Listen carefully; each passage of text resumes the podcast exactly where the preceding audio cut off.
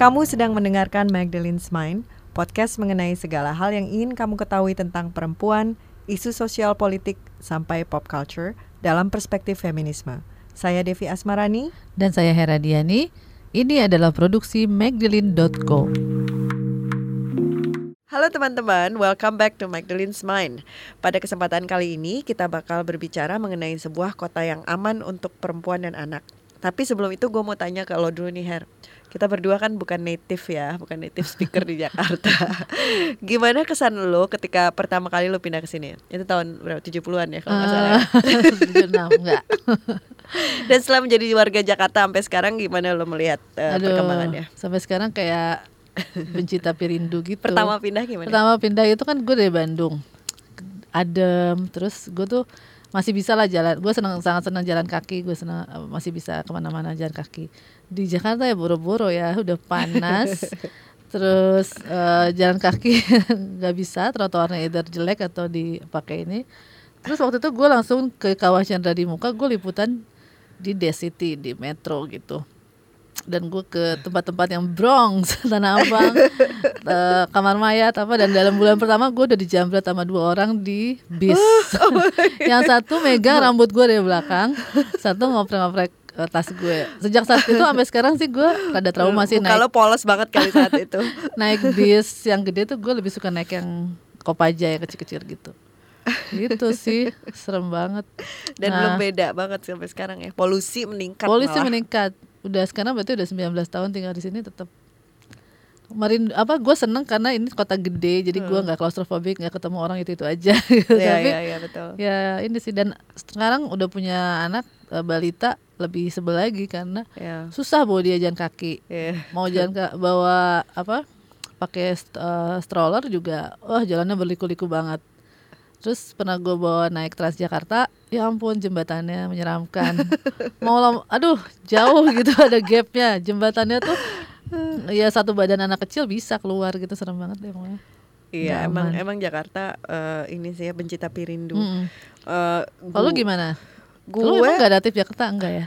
enggak gue lahir Jakarta tapi gedenya di kota-kota kecil sih. Eh, terus sekolahnya SMA juga di kota SMA kecil. baru di sini. Eh, eh.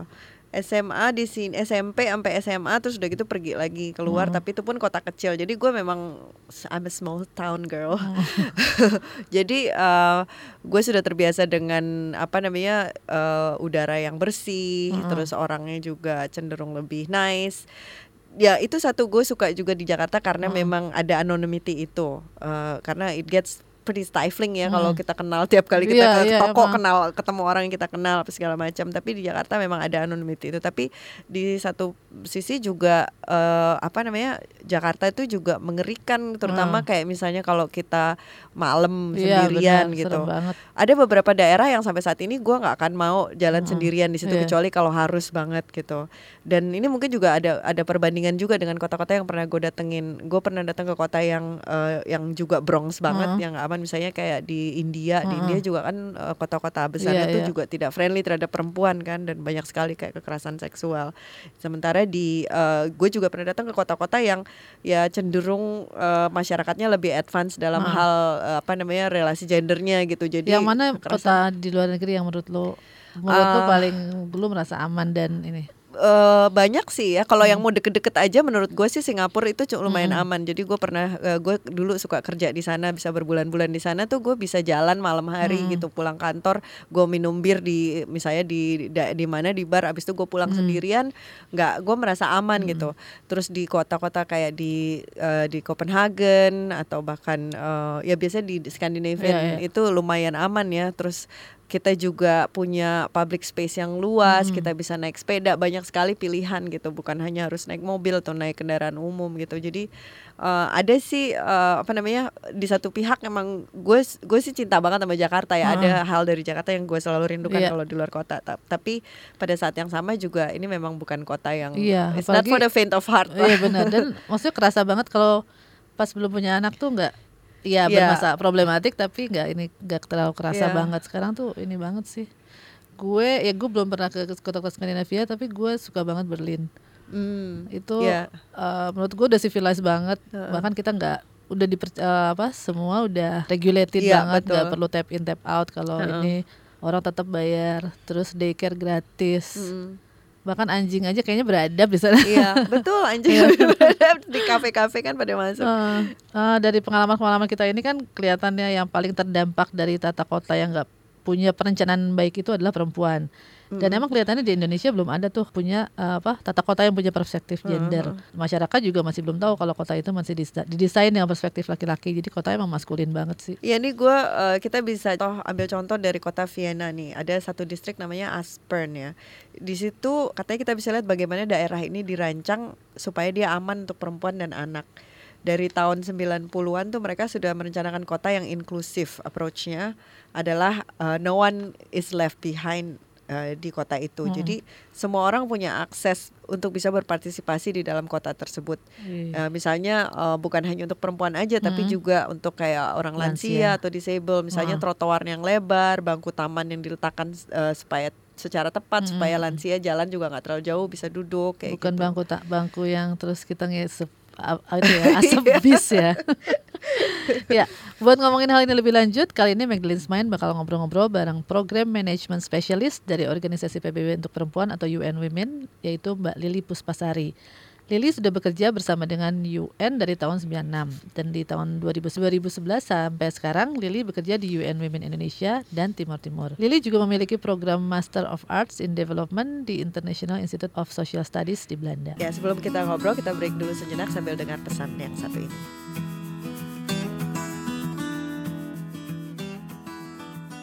Halo semua, memproduksi podcast yang berkualitas seperti Magdalene's Mind membutuhkan upaya yang gak sedikit dan dukungan dari semua.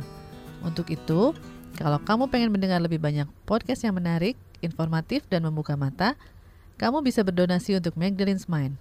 Berapapun jumlahnya akan sangat kami hargai. Caranya bisa dilihat di Instagram at ID di bagian stories highlight atau di Facebook Magdalene Indonesia dan di Twitter at the underscore Magdalene. Magdalene's Mind adalah produksi media independen magdalene.co.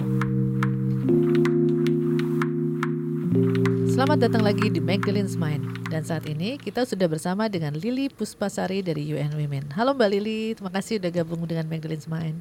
Thank you, halo semua, senang berada di frekuensi ini. Makasih Mbak Lili. Em, nah sebelumnya kita aku sama Hera tadi sudah bahas tentang kota yang ramah perempuan. Sebenarnya ada nggak sih yang disebut kota yang ramah perempuan dan eh, kalau misalnya ada kategorinya faktor-faktor apa sih yang membuat sebuah kota itu aman bagi perempuan?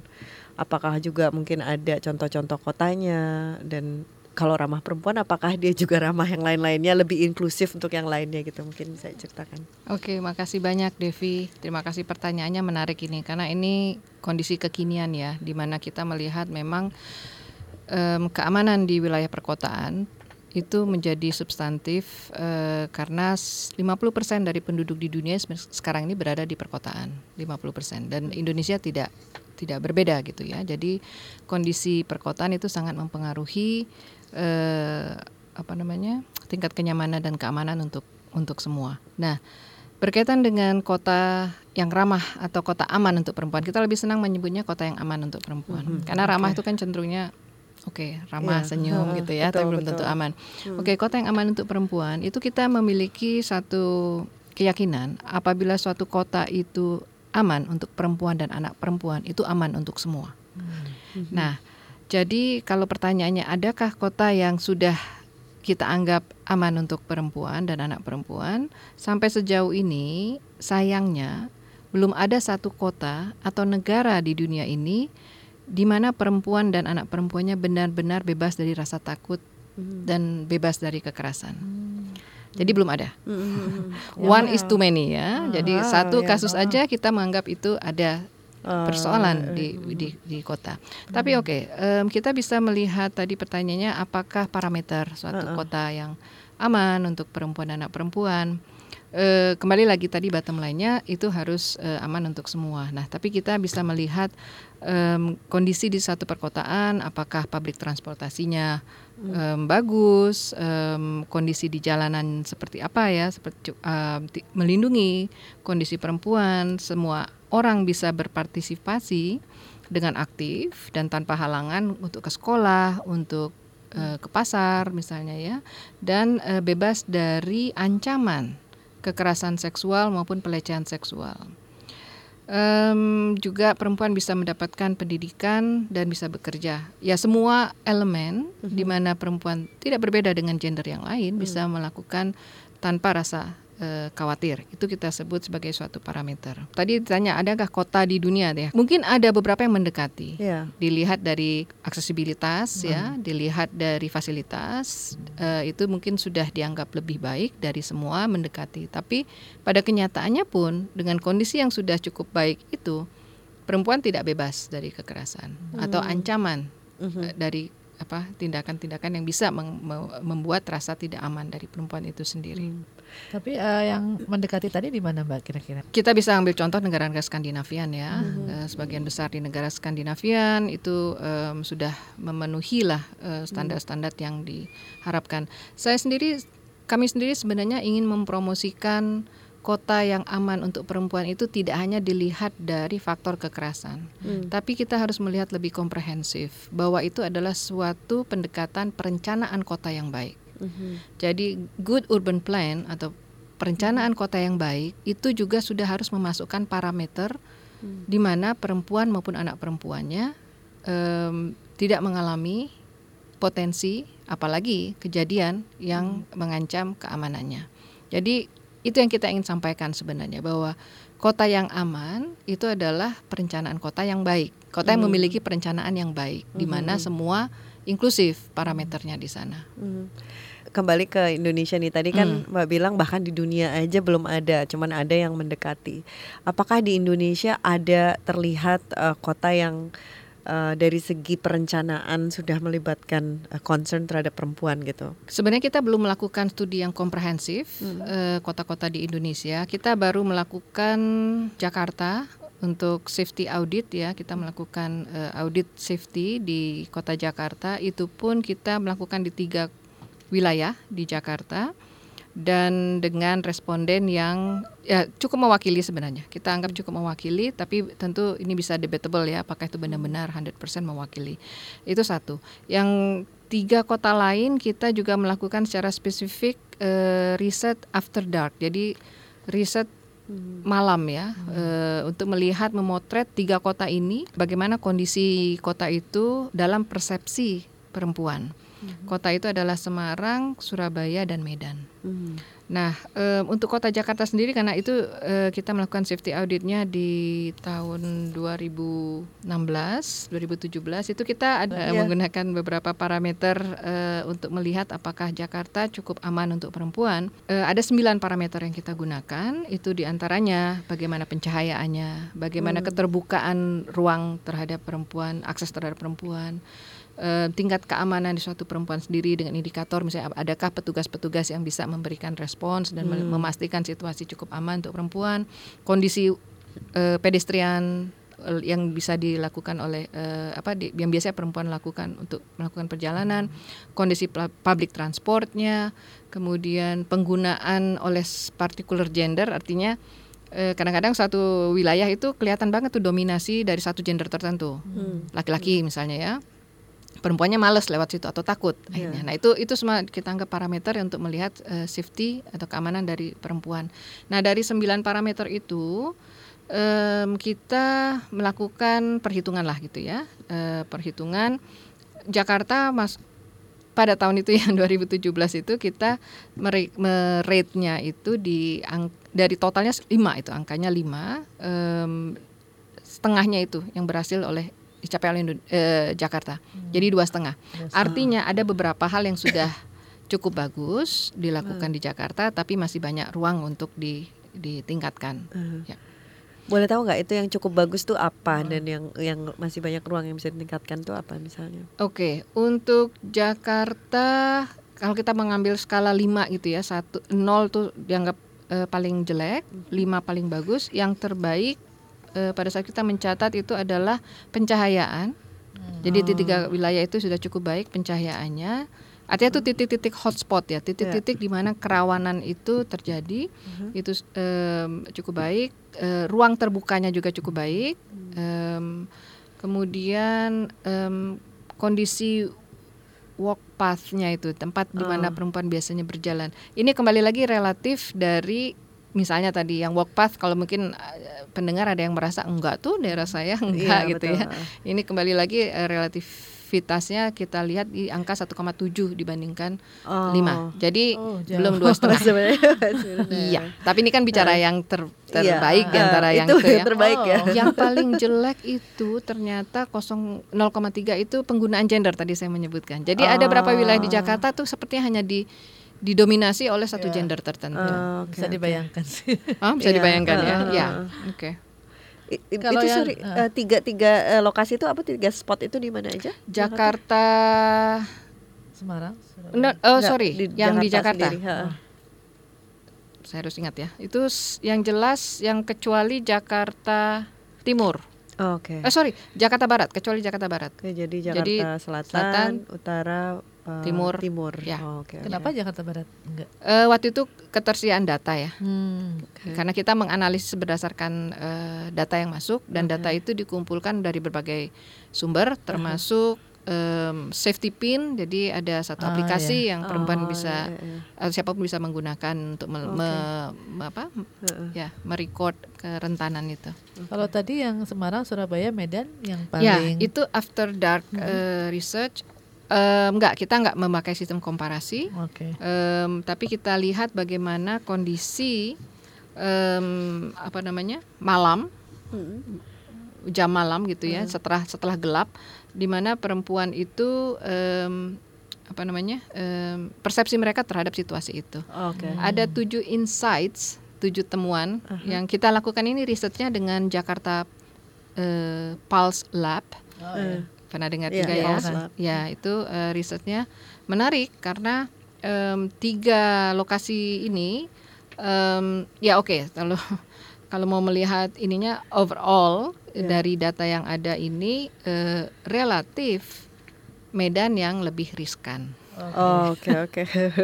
ya jadi dari tujuh temuan gitu ya tujuh temuan jadi yang pertama ternyata perempuan itu eh, menganggap bahwa rasa aman itu melibatkan atau memerlukan suatu skill tertentu untuk menciptakan rasa aman Oh. jadi safety is more eh, is more about having a skill set Oh. yang eh, jadi perlu suatu skill tertentu Iya, jadi- untuk menciptakan rasa aman jadi dari perempuannya itu dari sendiri ya? perempuannya Oh, jadi wow. bukan sekedar intuisi Iya, iya, iya. tapi Oke. ada harus ada skillnya itu yang pertama karena pada kenyataannya untuk sebagian orang melakukan perjalanan pada saat malam itu bukan sekedar apa namanya em, pilihan Hmm. tapi kewajiban Iya. harus keharusan karena kalau enggak dia mungkin dia harus bekerja Iya, yang betul. sampai malam Oh, iya. ya jadi itu enggak ada bukan pilihan namanya jadi dia harus menguasai satu skill tertentu untuk supaya aman dia kembali pulang ke rumahnya kemudian insight yang kedua itu adalah em, perempuan itu ternyata mendasarkan rasa amannya itu dari tingkat familiaritasnya terhadap lingkungan jadi Oh. kalau dia familiar dia merasa Iya. Mengenali situasi keamanan Ya, di lingkungannya. lingkungannya. Mereka merasa itu salah satu parameternya Aha. yang yang eh, apa menyebabkan mereka mau akhirnya berpergian atau tidak berpergian ya karena berdasarkan familiaritasnya. Mungkin berbeda dengan laki-laki ya. Iya, mau tempat yang baru, tempat lama, hajar sama gitu ya. aja ininya Karena perasaan amannya itu Betul. ya. Threatnya mungkin nggak sebegitu besar betul. daripada dibandingkan eh, perempuan. Kemudian eh, perempuan itu ternyata em, lebih percaya pada omongan orang lain daripada berita. Oh, oke. Jadi oke. misalnya di, misalnya dia dapat eh, beri- berita itu maksudnya berita yang di, diolah Resmi. secara Ah, resmi ah, gitu iya, ya. iya. Dia lebih percaya omongan orang. Misalnya di bilang oh jangan ke sana Heeh. karena A B C D misalnya itu dianggap lebih lebih apa bisa dipercaya daripada beritanya. Ya. Itu menarik menurut saya karena pada akhirnya kan kalau kita mau menyodorkan data dan sebagainya ya harus ya nggak semua bisa segera menerima. Lebih percaya local mentah-mentah. wisdomnya. Ya, kalau dia bilang ini pers- eh, personal stories. Iya, iya, iya. Ya, women perception of safe, safe- safety is shaped more by personal stories Ah, iya. rather Tapi than kalau the dalam news. hal ini memang berita juga jarang juga sih ya ngomongin Ya. keamanan. Hmm. Jadi lebih kasuistis juga, lebih, ah, ah. lebih ke kasus gitu ya. Jadi mendingan kalau kata teman, oh, di sini ada Iya, ini. Iya. Apalagi dengan sosial media ya, kan misalnya s- WhatsApp grup, WhatsApp grupnya misalnya bilang, oh jangan ke sana, jangan ke sini. Iya. Mungkin itu juga mencerminkan kenapa omongan orang lebih dipercaya daripada berita resmi ya, Ya. kaitan dengan hoax ini. Iya, iya. Ya. Oke, kemudian yang keempat itu em, apatisme dari perempuan itu apa dasar dia mengalami suatu kasus untuk melaporkan, karena dia merasa bahwa eh, melaporkan itu belum tentu direspons. Oke, jadi Oleh- mereka apatis gitu. Iya, jadi agak sedikit Lebih apatis dan apatis, bahkan melap- apa tidak melaporkan itu bukan karena alasan malu atau takut, tapi lebih karena khawatir tidak ada respon. Oh ya, oke. Dan ini menurut saya menarik kalau Iya, dikaitkan dengan upaya dari pihak penyelenggara em, apa namanya em, pemerintah atau pihak-pihak lain yang melakukan pelayanan publik ya, karena em, sering kan kita disodorkan ba- eh, informasi bahwa lapor Iya. nanti betul. direspon. Heeh. Tapi apakah benar-benar itu sudah siap misalnya ya? Em, karena tidak cukup dengan menyampaikan informasi, tapi sementara kalau responsnya tidak bisa diandalkan, hanya perempuan punya persepsi ini Iya. bahwa dia akhirnya eh, wah untuk apa saya lapor kalau Iya, ternyata actionnya nggak ada. Heeh. Kemudian itu masih di, di tiga kota ternyata masih begitu eh, dikonfirmasi. Kemudian insight yang kelima atau eh, teman yang kelima ini mengenai em, pengemudi angkutan umum. Ah, Karena kan oke, biasanya di kota-kota, kebetulan di tiga kota ini ada angkot semua, angkutan Iya. kota yang yang eh, baik itu bis maupun apa Mikrolet mini gitu. mini bis Ah. gitu, Iya. mikrolet ya atau di Jakarta ya, Em, itu bisa menjadi apa perannya ada dua hal selain sebagai penolong, tapi juga bisa eh, apa namanya eh, pelaku. Nah, Ah. untuk penolong ternyata cukup di, ditemuin, diakui oleh eh, para per- perempuan yang melakukan Ah. banyak melakukan perjalanan malam bahwa sering sekali mereka ditolong oleh angkot, Oh, eh, supir-supir supir angkot. angkot, Misalnya ya. mereka di mobil eh, ada ya ancaman ada penumpang yang aneh gitu ya. Ya. Biasanya katanya supirnya udah ngasih kode, ayo Oh. ke depan atau coba Oh, mendekat ke oke. pintu. Iya, nah iya, itu iya. mereka merasa ditolong. Ya menarik juga sih. Kemudian insight yang keenam itu berkaitan dengan apa namanya support dari orang-orang sekitar Hmm. apabila terjadi kasus. Hmm. Eh, ternyata banyak nih para orang-orang sekitar ya kita namanya bystanders ya. Hmm. Apa ya bystanders lebih bahasa Indonesia? Masyarakat Eh, awam ya. Masyarakat awam Eh, masyarakat sekitar, Sekitar ya. itu yang- sih, di sekitar yang- lokasi ah, itu ya, yang sekitar kejadian itu sebenarnya kenapa kan pertanyaannya kenapa sering tidak mendapatkan pertolongan ya para korban ini? Nah, jawaban dari bystanders ini sebenarnya kami tuh ingin menolong, tapi kami nggak yakin apakah pertolongan kami itu efektif Oh. karena ada faktor ancaman terhadap si korban eh si apa bystander itu sendiri ya terus belum tentu misalnya satu orang bereaksi yang lain bereaksi juga Iya, iya, iya. Ya, belum tentu. Jadi kan malah kadang-kadang akhirnya bisa aja sih pelaku kekerasan malah menfitnah gitu Iya, ya bahwa betul. dia sebenarnya pelakunya. Nah, ini menurut saya ada unsur public education Iya. yang Iya, yang iya. perlu kita Dibutuhkan, kembangkan untuk mengi- mengingatkan bystanders. Kita sendiri ada beberapa UN Women maksudnya ada beberapa kam- kampanye untuk me- meningkatkan kesadaran bystanders ini secara spesifik ya. Eh, kita lakukan entah itu melalui video dan sebagainya. Jadi saya jadi teringat itu karena dan itu fenomena di tidak hanya di Indonesia. Iya. Jadi kita calling for active bystanders iya, istilahnya. betul, betul. Kemudian yang terakhir, last but not least, semoga tidak bosan, itu adalah eh, mengenai eh, waiting zone, eh, apa kayak di tempat kayak halte gitu. ah itu dia, Halte atau Ah, ah, stasiun ya, gitu ya. ya, ya, stop eh, tempat stop gitu ya, yang untuk transition itu. Em,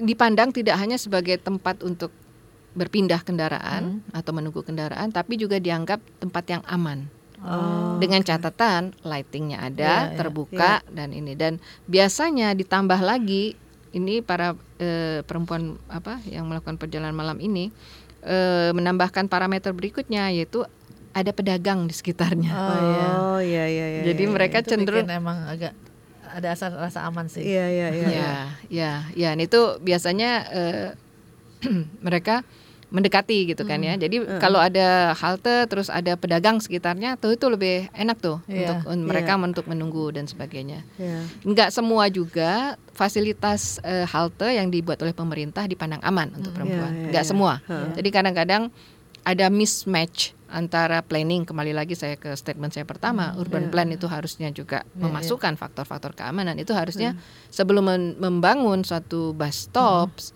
itu ditanyakan dulu nih ini akan efektif nggak? Karena such a waste kan kalau akhirnya Iya, dibangun tapi tidak iya, digunakan. Betul. Ini menarik banget ya untuk kita eh, ini dalamin lagi. Tapi eh, kita mau break dulu sebentar Baik. untuk pesan yang satu ini. Halo Feministas, balik lagi bersama kami di Magdalene's Mind. Ah, hari ini ada Mbak Lili dari UN Women. Nah, em, tadi kan Mbak Lili ngomongin soal tempat-tempat transisi ya, eh, terutama transisi kendaraan umum gitu, di mana eh, banyak perempuan yang di dalam survei yang dilakukan UN Women mengatakan bahwa itu termasuk tempat yang aman, tapi dengan kondisi tertentu. Misalnya ada pedagang, tempatnya juga ada cahayanya dan segala macam. Nah, bagaimana dengan eh, fasilitas seperti jembatan penyeberangan orang? Itu kan eh, banyak tuh yang panjang, Hmm, tinggi kemudian banget. tinggi banget dan belum tentu terang. Atau ma- meskipun terang juga nggak ada orang juga karena segitu apa namanya jauhnya.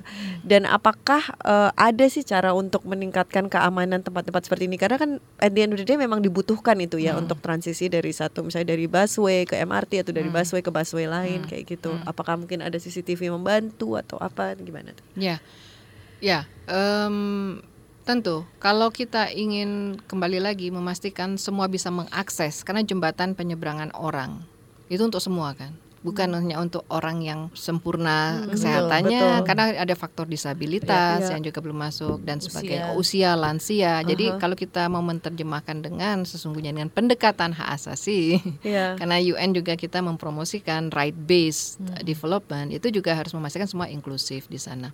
Nah, dan jangan lupa apa namanya jembatan penyeberangan itu tidak hanya di wilayah pusat kota ya yang mudah untuk kita melakukan kritik dan itu biasanya hari ini kritik kalau itu di jalan protokol jalan utama itu besoknya langsung di segera Direspons, dilakukan ya. gitu ya. Bagaimana yang di pinggir-pinggir, Iya, yang betul. jarang, yang jauh, bahkan mungkin nggak nggak seksi lah, maksudnya nggak ada media yang meliput. Iya. Tapi gini, ini menarik karena kalau kita ingin melakukan kritik karena saya menyebut media ya, Mhm. tekanan media kan sekarang juga sangat efektif ya untuk melakukan perubahan, Ya. bahkan lebih cepat dari kekuatan halilintar. Nah, artinya We masih wish.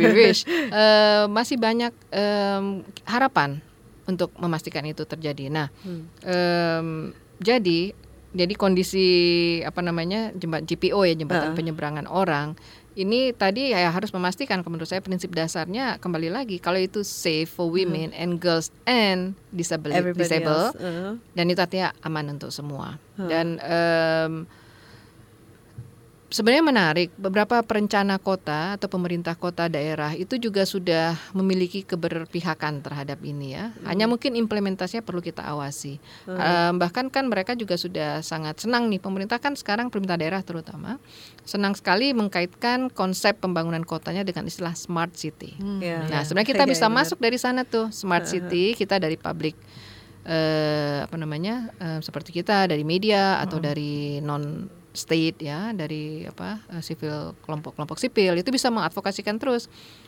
Kalau mau membangun kota yang smart harus memastikan elemen-elemen ini termasuk fasilitas umum di dalamnya di situ ada eh, fasilitas misalnya tadi contoh spesifiknya. Dan sebenarnya kadang-kadang orang sangat suka berpikir nih para pengambil keputusan repot amat ya perempuan harus diperhatiin anak perempuan harus diperhatiin heeh. selanjutnya siapa dong harus perhatiin padahal konsep membangun eh, fasilitas umum itu nggak repot-repot amat kalau kita membangunnya dari perspektif gender tadi Iya, kebutuhan gender iya. misalnya gini em, bus station gitu ya kalau ini ada contoh yang cukup menarik di negara lain sih ya Em, ada ada satu negara kontinennya kok saya lupa ya, kok nggak salah India. Em, itu bus, sta- bus stationnya itu dibuat tinggi. Hmm. Nah perempuan kan susah tuh, Iya. perempuan lokal di sana Iya. kebetulan kan pakai bajunya kan kayak sari sari, atau, kalau naik eh, kan susah, terus iya. belum lagi yang iseng dan Heeh, sebagainya. heeh. Jadi sebenarnya membang, eh, kenapa nggak dibuat levelnya lebih rendah? Uh-huh. itu kan nggak ada biaya tambahan artinya Oh, nggak iya. perlu ada ada bus tu, apa bus stop khusus untuk perempuan berikutnya bangun lagi bus Iya, jadi kan nggak ada additional budget Iya. sebenarnya kalau dirancang nah itu yang kita bilang eh, gender perspektif Iya. atau responsive eh, development Iya. infrastructure Iya. Tadi kan eh, soal smart city itu menarik banget tapi Hmm. eh, Tapi udah ada belum Mbak eh, inisiatif-inisiatif dari pemerintah pusat atau daerah yang bikin kota aman perempuan? Oh, Tadi tadi kan baru empat Iya, kota iya. dan ya. Dan ternyata dan itu belum. Atau Iya. paling enggak secara wacana sudah Ah, ada secara arahnya ke wacana. situ. Sebenarnya em, ya kita harus mengapresiasi ya ada beberapa em, upaya dilakukan. Saya ambil contoh Jakarta lah. Oke. Contohnya dengan peningkatan di layanan di Transjakarta. Transjakarta kan juga sudah beberapa upaya mereka lakukan untuk misalnya ada eh, apa bagian section khusus untuk perempuan. Iya. Terus ada ada spesifik juga bus khusus ya, walaupun ini juga ya ada yang mengkritik juga kenapa jadi Iya. khusus gitu ya. Hmm. Tapi karena ini masih afirmatif, Iya. oke lah, nggak apa-apa. Iya, betul. Nah, eh, kemudian juga em, para petugasnya juga dilatih untuk menghadapi em, apa namanya kasus-kasus. Eh, Itu juga suatu langkah saya pikir dan itu bisa ditiru oleh negara eh, apa perusahaan-perusahaan operator bis yang lain. Dan Transjakarta kan BU- BUMD ya. Iya. Jadi itu sebenarnya juga bagian dari upaya pemerintah. Hmm. Nah, gitu kita kita menghargai upaya-upaya pemerintah. Tapi ya harus lebih banyak lagi dan harus lebih meyakinkan ada link yang jelas antara pusat pelaporan dengan respons. Hmm. Ya kita sering mengkhawatirkan itu semangat banget nih Ya. eh, melaunch. Oke, kita udah punya Ya, laporan, ya, kita udah ya, punya ya, hotline, oh kita punya panic button. Tapi pada saat And then respon siap nggak merespon? Siap nggak? Heeh. Karena bahayanya gini, pada saat launching atau pada saat panic button itu disampaikan, eh, korban atau calon korban mungkin mengandalkan Iya. bantuan itu ya. Jadi em, apa namanya pada dan pada saat kejadian bantuan itu tidak datang, dia tidak memikirkan alternatif lain. Iya. Hmm. Ya, jadi bahayanya jadi double gitu kan. Sudahlah dia bergantung, ternyata nggak datang-datang bantuannya, dia sendiri akhirnya tidak memanfaatkan alternatif lain. Yang seandainya eh, dia tahu bantuan itu tidak akan pernah datang, mungkin dia Ya. sudah siap dengan plan B, plan C, plan D gitu ya. Ya. Itu bahayanya menurut saya. Jadi eh, smart itu marilah kita berpikir smart is not only about teknologi, Iya. Iya. tapi it's about Jadi sekarang ini masih siapa yang- orientasinya teknologi gitu ya. teknologi, teknologi, which is good, nggak apa-apa. Ya. Eh, kita mulai dari situ. Tapi Ya. eh, dulu kita promosi kita adalah Jakarta, tidak hanya Hmm. smart, but also safe. Oke, smart and safe Ya. for women and girls. Nah, em, kalau melihat ini kan penting sekali ya, eh, karena kus- kota-kota yang besar seperti Jakarta dan kota-kota lainnya itu kan pembangunan sangat marak gitu. Nah, em, apakah eh, apakah perlu ada semacam eh, apa ya perubahan untuk me- melaku untuk terjadi perubahan ini apakah perlu ada didukung dengan undang-undang atau apa yang yang menjamin bahwa pembangunan itu akan mempunyai perspektif atau mengikutkan perspektif gender gitu. Ya, tentu. Em, karena nggak lepas ya kita. em, kalau ada undang-undang yang diturunkan menjadi peraturan daerah, itu ada anggaran biasanya yang melekat. Dan dengan anggaran itu bisa dilakukan satu perubahan. Em, tapi ini saya akan mengutip aja beberapa hal yang perlu diperbaiki untuk mencapai kota Ya. yang aman untuk eh, perempuan dan anak perempuan.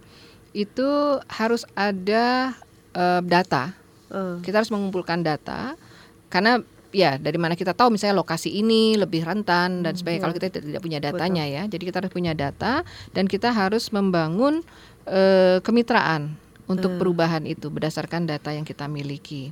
Nah, eh, siapa aja yang di, di kita undang itu termasuk pemerintah dan juga non pemerintah. Peran swasta sebenarnya sangat penting. Sebenarnya ini juga call for action eh, untuk private sector kalau menurut saya. Kan kebanyakan perempuan maksudnya pe- pekerja-pekerja ini kan tidak hanya di sektor publik ya Ya. sektor swasta juga maksudnya. Dan itu eh, peran mereka sangat kita, kita dorong. Kemudian eh, ya ada eh, kebijakan yang komprehensif dan implementasi. Persoalan besar kita tidak hanya di Indonesia itu rajin mengeluarkan peraturan. Iya. pada saat diimplementasikan urusan siapa ya? Mau yang monitor?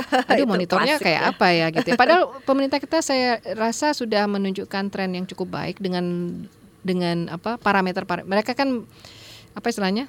Indikator performance ya indikator kinerja. Nah, itu sebenarnya kita bisa pengaruhi itu. Kita bisa monitor bersama, kita lihat nih masing-masing unit e, pemerintah ini indikatornya apa. Sebenarnya fungsi media bisa di situ.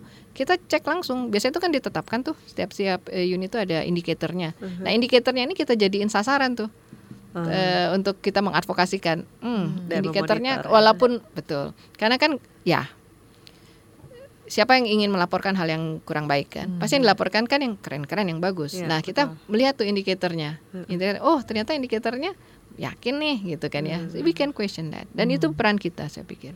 Kemudian yang ketiga itu adalah um, ya uh, pendekatan yang tadi um, apa namanya uh, urban planning yang bagus, perencanaan yang bagus itu juga meningkatkan um, keterbukaan atau pemanfaatan secara ekonomi karena hmm. ya tadi ekonomi akan akan terpicu dengan um, kondisi yang lebih baik dan itu bisa membuat kota itu akhirnya bergerak secara natural ya karena hmm. kalau udah bicara ekonomi itu udah bicara sesuatu yang bisa didengar semua hmm. kalau kita sampaikan bahwa oh lihat nih kota yang tidak aman yeah ekonomi Anda mengalami stagnasi atau oh, tidak ya. berkembang. Nah, itu biasanya bahasa ekonomi itu ya. sekarang ini lebih menjual.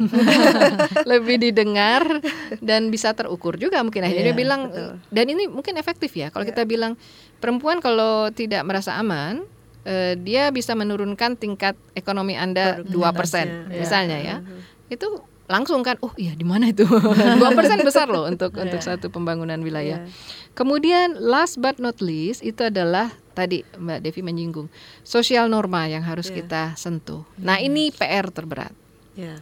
karena banyak orang tidak sadar apa yang dia lakukan itu adalah sebenarnya puncak dari yeah. uh, sorry refleksi dari uh, keyakinan dia terhadap nilai-nilai hmm. nah misalnya dianggap bahwa perempuan itu pantas menjadi objek yeah kekerasan. Hmm. Jadi itu suatu yang normal kalau anda jadi korban kekerasan, misalnya Mbak Devi misalnya melaporkan kekerasan, Iya sih, kamu sih Wah, segala Jam macam ya. masih di luar hmm, gitu.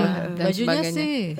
ya, kembali lagi stereotyping, uh, values, nilai-nilai. Hmm. Nah, bagaimana kita sekarang memanfaatkan teknologi yang ada, informasi yang ada, kemampuan kita walaupun itu kecil untuk melakukan transformasi. Nah, itu yang kita uh, yakin salah satu sumber if not all saya sendiri punya secara pribadi sih kalau kita berani dan berani membicarakan dan berani berubah norma sosial kita banyak hal tuh bisa selesai dengan sendirinya hmm. e, karena ujungnya itu adalah e, apa yang kita apa namanya kita atasi ini sering kali itu adalah wujud dari persoalan sesungguhnya jadi hmm. itu dampak ya dampak dari hmm. persoalan sesungguhnya persoalan sesungguhnya karena kita misalnya kita memandang perempuan itu e, tadi jangan keluar malam deh biar aman. Loh uh. gimana sih ini? Gitu ya. Bukan malah menciptakan suasana yang aman supaya yeah. perempuan bisa berpartisipasi secara aktif sesuai dengan uh, aspirasinya. Malah kita malah melarang perempuan. Malah membatasi, hmm. malah membatasi apalagi anak perempuan dan sebagainya. Selain norma sosial norma sosial kan agak sulit juga ya mbak yang -hmm. mengubahnya. Apa sih langkah awal yang um, kita sebagai warga masyarakat perlu lakukan untuk menciptakan kota yang aman buat perempuan dan anak perempuan. Yang yang uh, kitanya sebagai masyarakat ah, itu sebagai ya. Warga. Ya. Um, itu pertama kita um, bisa melakukan dari diri kita sendiri untuk tidak melakukan pertama pendiskriminasi mendiskriminasi ya hmm. yang bisa kita lakukan itu itu memang ya mungkin besar sekali konsepnya ya. Jangan yeah. mendiskriminasi. Hmm. Tapi itu mulai dari diri kita sendiri bahwa kita dengan memberikan akses pendidikan, kita hmm. lebih banyak memberikan pemahaman kepada uh, anak laki-laki dan anak perempuan, bagaimana mereka healthy relationship misalnya ya. Itu tidak hanya berhubungan dengan apa pendidikan seksual, pendidikan tapi juga uh, bagaimana dia memperlakukan dengan respect, dengan hmm. hormat, hmm. dengan dignity, dengan martabat kepada semua pihak itu bisa kita mulai kalau kita sebagai orang tua mulailah dari rumah. Itu kan sebenarnya hal yang uh, berdekatan dengan moral kita ya hmm. bahwa kita melihat um, investasi kita adalah di anak-anak ini ke depan. Kemudian ya. Um, ya kita bisa membangun kalau kita sudah merasa kita bisa melakukan perubahan, kita bisa mengajak orang lain juga untuk melakukan perubahan bersama. Ada mobilisasi sosial, ada hmm. solidaritas sosial, ada kohesivitas sosial yang mau kita kembangkan dan itu bisa dilakukan melalui ya sekarang ini kan sudah sangat banyak terbuka ya diskusi-diskusi di sosial media itu menurut saya sudah sudah merupakan suatu upaya untuk mem- Hmm. memobilisasi opini. Ya, Nah, pada saat itu berkembang itu menjadi sesuatu yang besar. Bisa menekan. Hmm. Ada gunanya juga ya netizen yang ribut. Netizen yang ribut, berisik tapi produktif, Ya. itu yang kita tunggu, Hmm. bukan sebaliknya.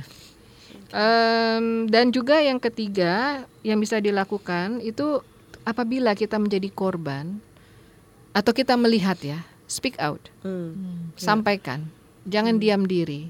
Karena belum tentu kita dengan berdiam diri persoalan selesai. Hmm. Em, justru mungkin pada saat kita tidak menyadari em, apa tidak melihat apa namanya bahwa ternyata setelah kita berbicara itu banyak hal yang bisa kita bantu. Diri kita sendiri orang di sekitar kita dan sebagainya. Jadi eh, speak out eh, dan menjadi inspirasi untuk yang lain. Dan yakinlah bahwa persoalan itu persoalan kekerasan yang kita alami itu tidak unik pada diri anda Hmm. Kadang-kadang orang tidak mengungkapkannya. Ingat ya, 10% dari kasus itu tidak yang kita dengarkan. 80%, 90 sam- 80 90% itu tidak, terungkapkan karena tidak ada yang melaporkan. Hmm. Dan itu tadi ya menjadi bystander yang aktif ya. Iya, Jadi baik. kalau kita melihat sesuatu jangan jangan diam aja. Iya. Mobilisasi yang lain juga. Solidaritas juga saya Mungkin pikir. takut juga kali ya. Iya. Soalnya saya pernah di jambret dua orang gitu terus Oh, yang iya? lain diam aja di Oh, gitu. yang lain bilang untung bukan gue. Iya, yang udah eh, si jambretnya pergi baru kenapa dek nggak apa-apa? Heh, Tadi ke mana aja? Artinya mereka melihat ya pada Melihat, saat itu eh, ya. Saat deketin, ya. abis itu nggak deketin terus ya.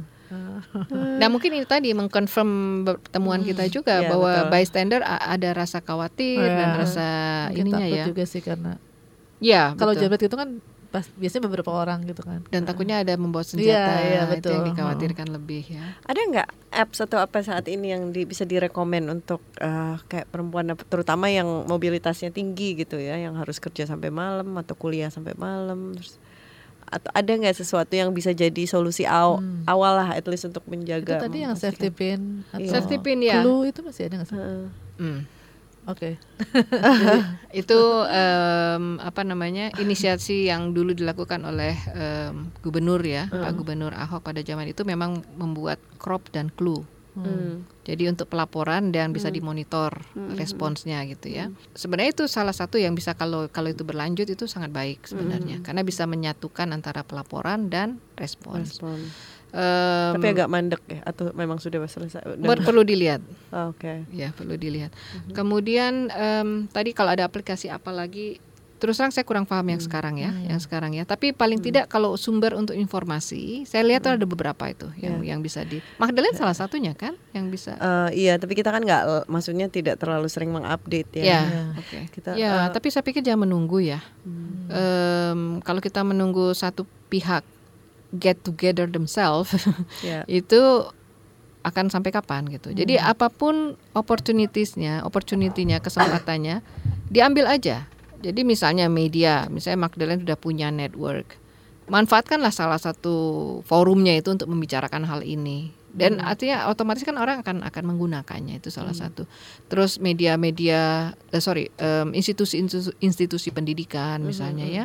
Kenapa nggak misalnya ada asosiasi em, SMA, guru-guru BP misalnya ya. Kami pernah eh, melakukan training terhadap guru BP, eh, masih ya istilahnya guru BP ya. Kelihatan banget zaman saya. Iya, iya. Dia yang tahu sih. Oke, masih ya. Kita Ya, sama. ya, guru BP ini kan eh, menjadi pihak yang pertama tuh kalau nah sorry, saya mundur sedikit. Kalau kita menyebutkan eh, kota yang ramah, itu juga di semua lembaga ya, termasuk lembaga pendidikan.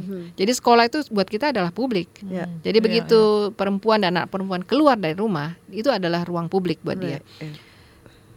Ah, jadi ruang publik yang termasuk di sekolah itu juga perlu kita cermati dan eh, ternyata dari training kita yang simple maksudnya ya kita mengingatkan kepada guru BP bahwa apabila Anda eh, mendengar atau mendapatkan pelaporan ada pelecehan seksual atau kekerasan yang sifatnya gender based violence di sekolah Anda apa yang Anda lakukan?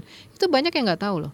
Hmm. Banyak yang belum paham eh, bahwa apa yang pertama apa yang mereka harus lakukan kan em, ya langkah pertama kan mungkin mendengarkan dan tidak melakukan judgement bahwa ah ini jangan-jangan mereka bohong. Oh jangan-jangan ini suka sama Ya, suka. Nah betul. itu kan akhirnya sudah ada persepsi sendiri. Ya, nah untuk mulai itu aja itu sudah melakukan langkah yang baik. Untuk mulai tidak bersikap bersikap judge, judge Uh-huh. apa penghukuman Judgment, ya uh-huh. penghakiman di awal itu sudah memberikan em, apa namanya perbaikan terhadap situasi kita ini kembali tadi saya bilang kita nggak usah nunggu yang besar besar dan Ya. lama gitu ya yang Bisa dari sampai kita sendiri. Ya, mulai dengan kita. Ruang apa pun sekecil apa pun di wilayah yang kita punya, saya sering menyebutnya itu sebagai island of integrity. Itu kita mulai di situ. Oke. Wah, itu bagus banget untuk menutup Ah, poin itu. baik, baik, baik. Terima kasih banyak Mbak Lili untuk Sama-sama. sudah berbagi hari ini dan Ya, terima um, kasih. Oh ya, jangan lupa feministas, seminggu lagi kita bakal ngeluarin part 2 episode bonus dari berbagi cerita beragama. Kali ini ceritanya dari Hana Arashid. Ditunggu ya. bye.